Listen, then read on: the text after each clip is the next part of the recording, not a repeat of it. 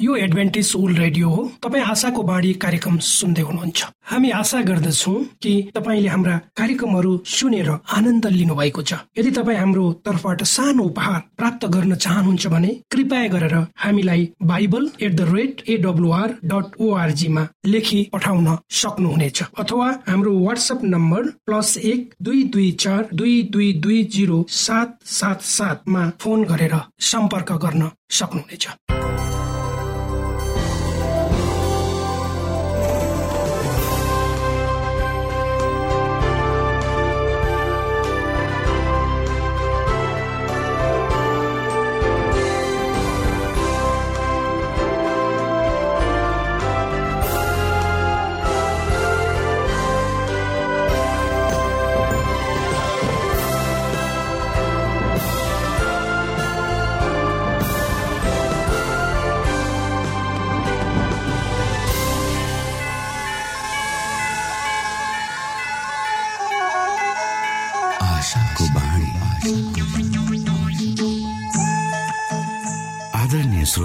नमस्कार। यो समय तपाईँ एडभेन्टिस्ट ओल्ड रेडियोको प्रस्तुति भोइस अफ हो।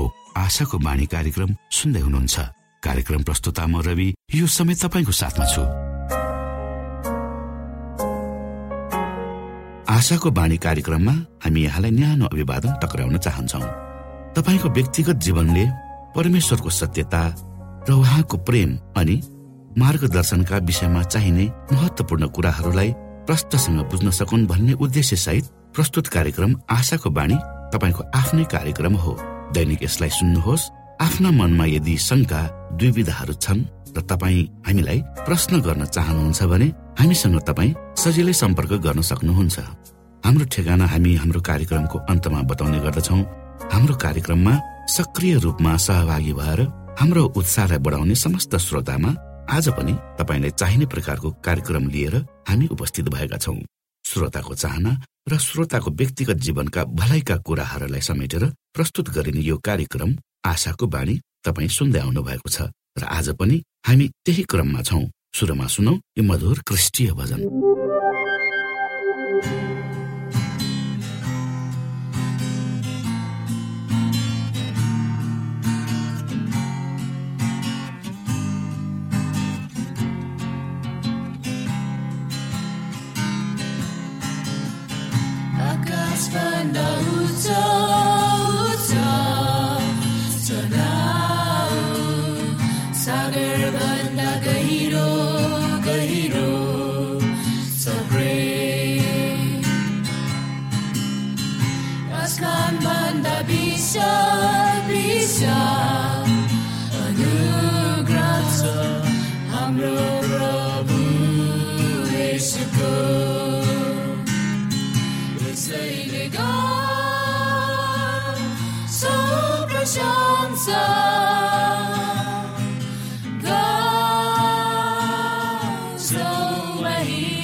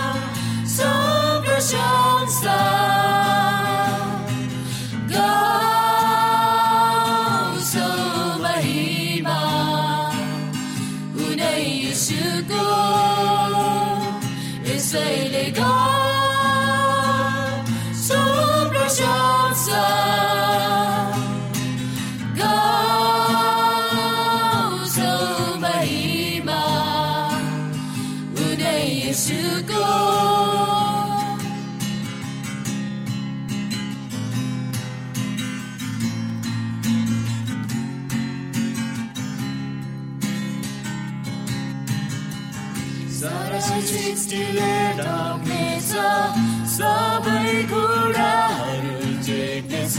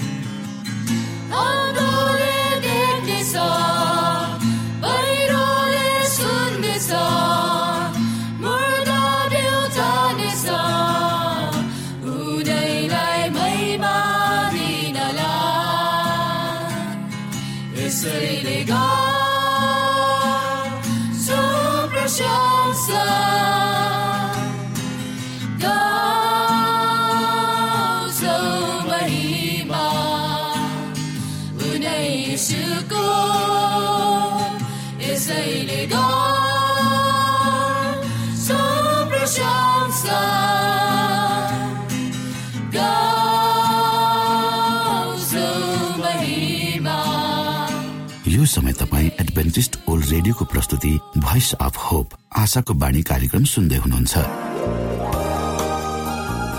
तपाईँ आशाको बाणी कार्यक्रम सुन्दै हुनुहुन्छ। हामी आशा गर्दछौ कि तपाईँले हाम्रा कार्यक्रमहरू सुनेर आनन्द लिनुभएको छ। यदि तपाईँ हाम्रो तर्फबाट सानो उपहार प्राप्त गर्न चाहनुहुन्छ भने कृपया गरेर हामीलाई Bible at the rate AWR dot ओआरजीमा लेखी पठाउन सक्नुहुनेछ। अथवा हाम्रो वाट्सएप नम्बर प्लस एक दुई दुई चार दुई दुई दुई जिरो सात सात सातमा फोन गरेर सम्पर्क गर्न सक्नुहुनेछ। श्रोता मित्र यो समय हामी पास्टर उमेश पोखरेलबाट आजको बाइबल सन्देश सुन्नेछौ। श्रोता साथी न्यानो अभिवादन साथ म तपाईँको आफ्नै आफन्त पास्टर उमेश पोखरेल। परमेश्वरको वचन लिएर यो रेडियो कार्यक्रम मार्फत पुनः तपाईँहरूको बीचमा उपस्थित भएको छु। मलाई आशा छ तपाईँले हाम्रा कार्यक्रमहरूलाई नियमित रूपमा सुनेर परमेश्वरका प्रशस्त आशिषहरू प्राप्त गर्दै हुनुहुन्छ। आउनु श्रोता तपाईँ हामी केही समय परमेश्वर सँगसँगै बिताउ आजको प्रस्तुतिलाई पस्कनुभन्दा पहिले आउनुहोस् हामी परमेश्वरमा अगुवाईको लागि प्रार्थना। जीवित जिउँदो महान दयालु परमेश्वर प्रभु हामी धन्यवादी छौँ यो जीवन र जीवनमा दिनुभएका आशिषहरूको लागि। यो रेडियो कार्यक्रमलाई म तपाईँको हातमा राख्दछु यसलाई तपाईँको राज्य र महिमाको प्रचारको खातिर यो देश र सारा संसारमा तपाईँले पुर्याउनुहोस् ताकि धेरै मानिसहरूले तपाईँको ज्योतिलाई देख्न सकुन् र तपाईँको राज्यमा आउन सकुन् सबै बिन्ती प्रभु यीशुको नाम।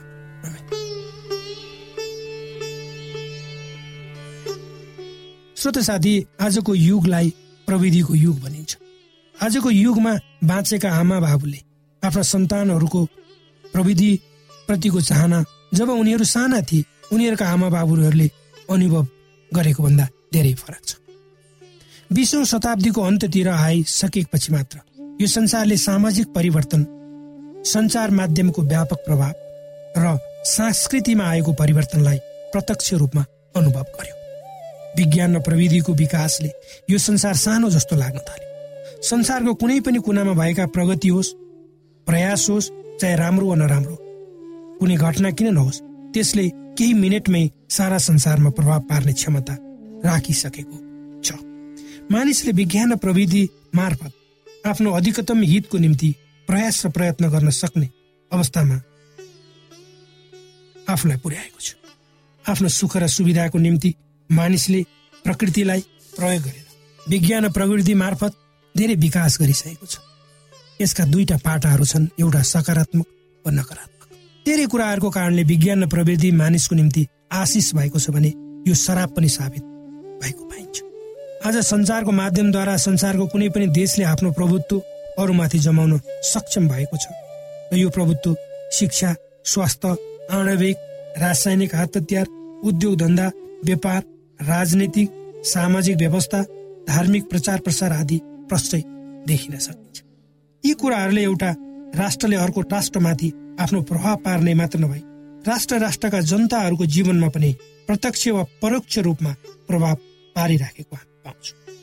एउटा अध्ययनको प्रतिवेदन अनुसार एउटा परिवारमा हुनुपर्ने पारस्परिक सम्बन्ध कुराकानी भावना आदान प्रदान र प्रेम घट्दै गएको देखिन्छ।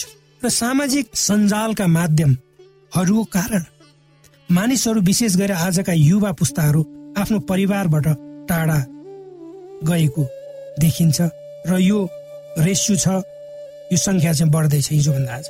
उनीहरू आफ्नो समय कम्प्युटर इन्टरनेट फोनमा बिताउने गर्छन् यद्यपि एउटै घरको छतमुनि बसे पनि परिवारका सदस्यहरू बीच घनिष्ठ र लामो वार्तालाप हुँदैन र चाहिने जति समय उनीहरू बिताउँदैनन् त्यसको प्रत्यक्ष असर आज प्रत्येक घरहरूमा परेको छ र घरहरू टुट्दैछन् परिवारहरू बिग्रँदैछन् र एउटा परिवारमा हुनुपर्ने माया ममता सद्भावना हेरचाह कम हुँदै गएको देखिन्छ। अर्थात् पारिवारिक बन्धन खुकुलो हुँदै गएको आभास पाइन्छ। अमेरिकाको एउटा संस्थाले गरेको अनुसन्धान अनुसार अहिलेका युवाहरू यो अमेरिकाको अध्ययन हो चौरासी प्रतिशत अहिलेका युवाहरूसँग मोबाइल फोन छ अमेरिकामा। र त्रियानब्बे प्रतिशत युवाहरूले उनीहरूका साथीसँग मोबाइल र अनलाइनमा सामाजिक सञ्जालहरू सोसल नेटवर्क भनिन्छसँग उनीहरूको सम्बन्ध जोडिएको छ। र दसजना युवाहरू मध्येमा सातजनाले कम्तीमा दिनमा एकचोटि एउटा म्यासेज पठाउँछन् मोबाइलबाट होस् अरूबाट। पाँचजना युवाहरू मध्ये चारजना युवाहरूसँग ट्विटर वा फेसबुक जस्ता सोसल नेटवर्क छन् तिनीहरूसँग उनीहरूको सम्बन्ध जोडिएको पाइन्छ। बैसठी प्रतिशत युवाहरूको युवाहरूका आमा बाबुहरू भन्छन् उनीहरूका नानीहरू निरन्तर रूपमा इलेक्ट्रोनिकल्ली आफ्ना साथीहरूसँग सम्पर्कमा भइरहन्छन् हाम्रो देशमा पनि सोसल नेटवर्कको प्रभाव सोसल सामाजिक सञ्जालहरूको प्रभाव निरन्तर रूपमा बढ्दै गएको पाइन्छ। यो बढ्दो छ दिन प्रतिदिन। यसले युवाहरूलाई उनीहरूका आमा बाबुहरूबाट टाढा गराउँदैछ। अर्थात् यसले उनीहरूलाई राम्रो पनि गराउँदैछ। तर हाम्रो जो सामाजिक बन्धन छ त्यो चाहिँ खुकुलो हुँदै गएको हामी आवाज पाउँछौँ। अर्थात् आमा बाबु आफ्ना सन्तानहरूसँगको सम्बन्धबाट टाढिँदै गएको पाइन्छ। यसलाई जेनेरेसन ग्याप पनि बन्न सकिन्छ। सामाजिक सञ्जालहरूमा यस्ता किसिमका जानकारीहरू प्राप्त गर्न सकिन्छ।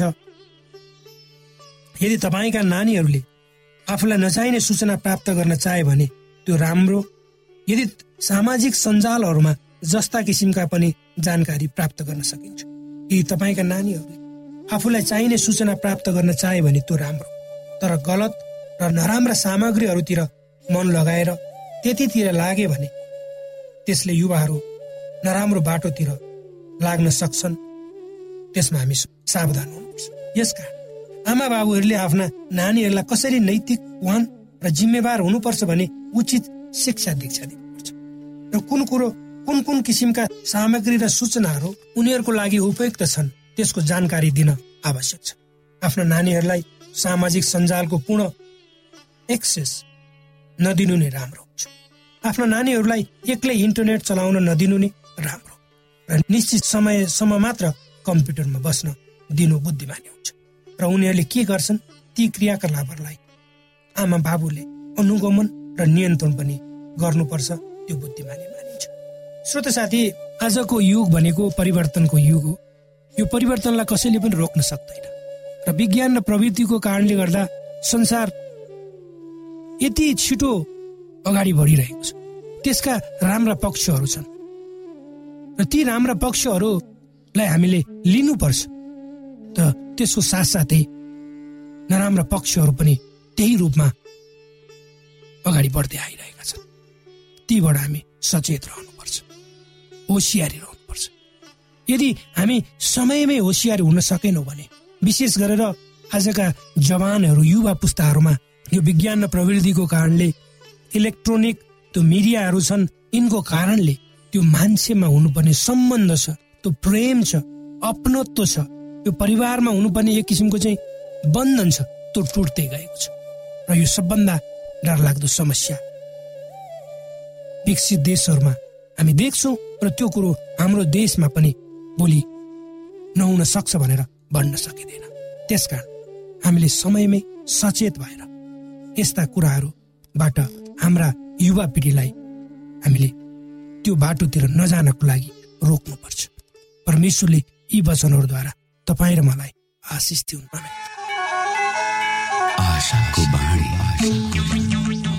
श्रोता भर्खरै यहाँले पास्टर उमेश पोखरेलबाट बाइबल वचन सुन्नुभयो।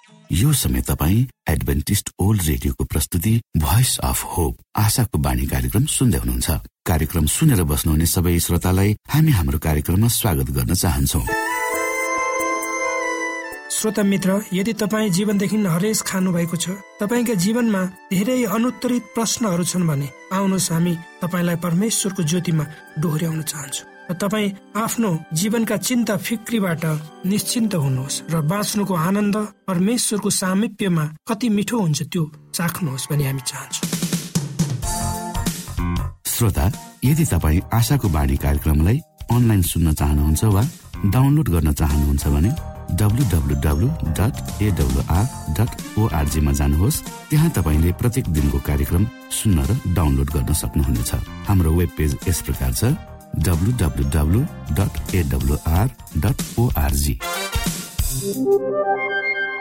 श्रोता यदि तपाईँ हामीसित सिधै फोनमा सम्पर्क गर्न चाहनुहुन्छ भने हाम्रा नम्बरहरू यस प्रकार छन्।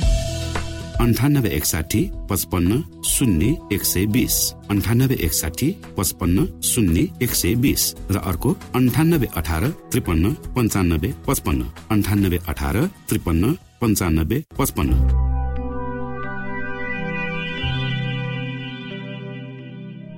यो एडभेन्टिज ओल्ड रेडियो हो। तपाईँ आशाको बाणी कार्यक्रम सुन्दै हुनुहुन्छ। यस सम्बन्धी थप जानकारीको लागि कृपया गरेर हामीलाई सम्पर्क राख्न सक्नुहुनेछ। हाम्रो इमेलको ठेगाना Bible at the rate AWR dot org अर्थात् B I B L E at AWR dot org हो। तपाईँ हामीलाई हाम्रो वाट्सएप नम्बर प्लस एक दुई दुई चार दुई दुई दुई जिरो सात सात सातमा पनि कल गरेर सम्पर्क राख्न सक्नुहुनेछ। अर्थात् प्लस एक दुई दुई चार दुई दुई दुई जिरो सात सात सात। यो आशाको बाणी रेडियो कार्यक्रम हो। म धनलाल राई यहाँहरूलाई यस कार्यक्रममा न्यानो स्वागत गर्दछु। श्रोता आजको बाइबल सन्देशको भागमा मैले आज अमेरिकाको लस आन्जलदेखि रोमसम्मको कथा मेलानी इटालीबाट लिएर आएको छु। श्रोत साथी अमेरिकाको लस एन्जलसमा रहेको विश्वविद्यालयमा आफ्नो अध्ययन सकेको मेलानीले रमाइलो गर्न चाहन्थे। उनी पार्टीमा रमझम गर्न र यताउति घुम्न मन पराएकी थिइन्। उनी मोज मजामा डुबिसकेकी थिइन् जब आफ्नो भाइ बिस वर्षको रोन्डीको मृत्यु भयो। भनेर खबर फोनबाट पाउँदा उनी रोममा नै थिइन्। पाँचजना दिदी बहिनी र दाजुभाइहरूका रान्डी सबभन्दा कान्छो थियो। रान्डी र मेलानी एकदम मिल्दथे। रान्डीको शरीर बिहान पाँच बजे पौडी खेल्ने तलाउमा तैरिरहेको थियो। उनको जाँच गर्दा उनलाई हृदयघात भएको पत्ता लगाएको थियो।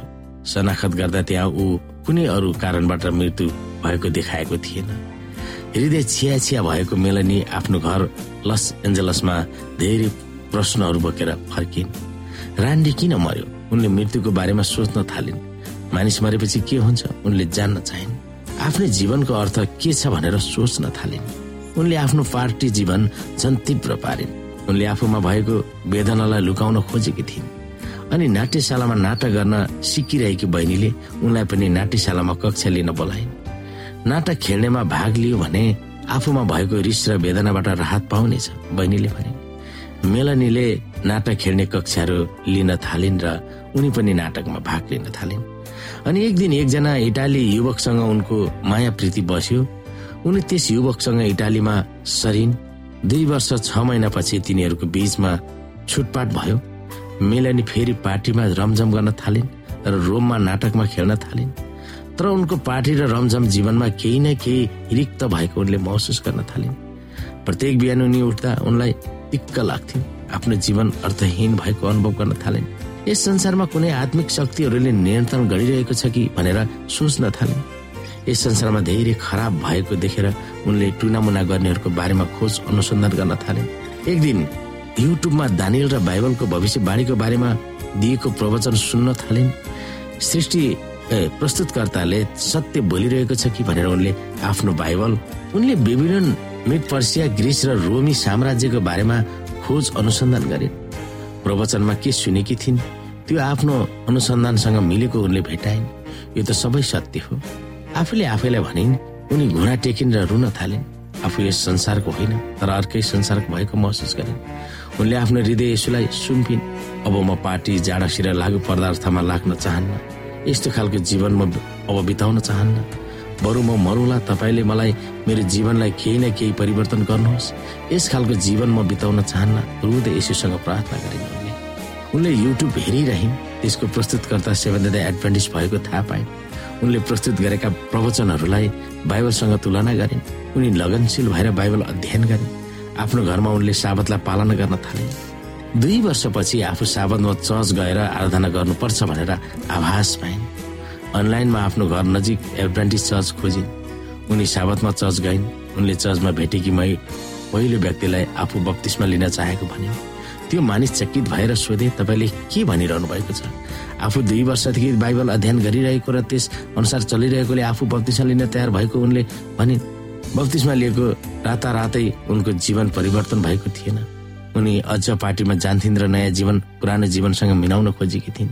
तर आफूले पहिला मन परेका थोकहरूप्रति उनी नियास्र मान्न थालिन्। आफूलाई एक फेरा नियास्र लागेको थोक चाखलाग्दो हुन थाल्यो उनी पवित्रकरणको अनुभव गर्दै थिइन्। उनी भित्र पवित्र आत्माले काम गर्दै थिए। उहाँले धेरै काम गर्नुहुन्छ। उहाँले धेरै काम गर्नु छ तर म भित्र उहाँ काम गरिरहनु भएको छ मेलेनीले बताइन्। आज मेलेनीलाई थाहा छ कि पापले गर्दा मृत्यु आएको हो। जब मानिसहरू मर्दछन् तब चियानमा यसु नाउन्जेल सुतिरहेको हुन्छ भन्ने उनलाई थाहा छ। आफूले आफ्नो जीवन अर्थमूलक भएको उनले बताउँछिन्। अरूहरूलाई यसुको प्रेम र उहाँको आगमनको आशा सुनाउन चाहेको उनले भनिन्। दानियल बाह्र अध्यायको तिनमा लेखिएको छ बुद्धिमान मानिसहरू आकाशमा चहकिलो भएर चम्किनेछ र जो धर्मी हुन फर्किन्छन् तिनीहरू तारा जस्तै सदा सदा चम्किरहनेछ। मेलानीले रोमका बस रेस्टुरेन्टहरूमा प्रचार र पत्रिकाहरू छोड्छिन्। उनले एडभान्टेज चर्च र रेडियोको बारेमा लेखिएको कार्ड पनि बाँड्छिन् उनी यसुको आगमनलाई उत्साहपूर्वक हेरिरहेकी छिन् र आफ्नो भाइ रान्डीसँग पुनर्मिलन भएर बस्न चाहन्छन्। मेरो धन्यको आशा यही हो कि एक दिन मैले मेरो भाइलाई फेरि भेट्नेछु। आश्वासन भएर उनले बताउँछिन्। पक्कै पनि श्रोता जो मेलनीले आफ्नो भाइ रान्डीलाई भेट्नेछ उहाँको विश्वास उहाँको अर्थपूर्ण आशा भरोसाले र अर्थपूर्ण प्रभुसँगको भरोसाले आफ्नो भाइलाई अवश्य पनि प्रभुको दोस्रो आगमनसँगै भेट्नेछ। यो कुरामा हामी विश्वस्त हुन चाहन्छौँ।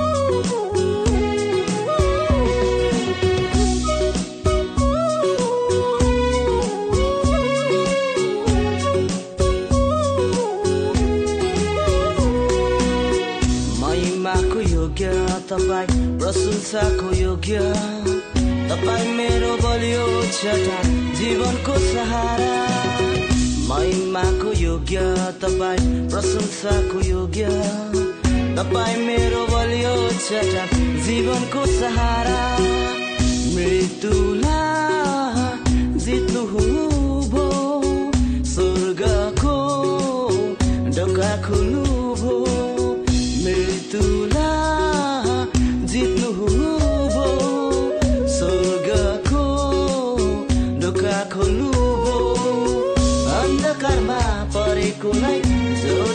बोलाउनु भो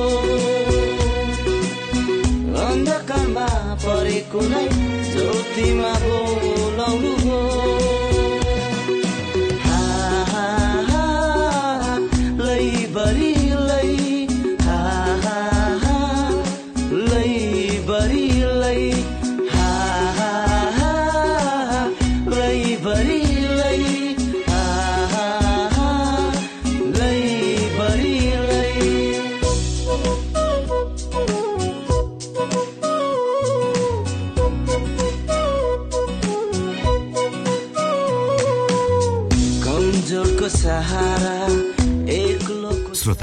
घडीको सुईले समय सकिन लागेको संकेत गरिसकेको छ। हवस् त श्रोता हाम्रो कार्यक्रम सुनिदिनु भएकोमा एकचोटि फेरि यहाँलाई धन्यवाद दिँदै भोलि फेरि यही स्टेशन र यही समयमा भेट्ने बाजा गर्दै प्राविधिक साथी राजेश पास्टर उमेश पोखरेल र कार्यक्रम प्रस्तुता म रवि यहाँसँग विदा माग्दछौ। परमेश्वरले तपाईँलाई धेरै धेरै आशिष दिनुभएको होस्। नमस्कार।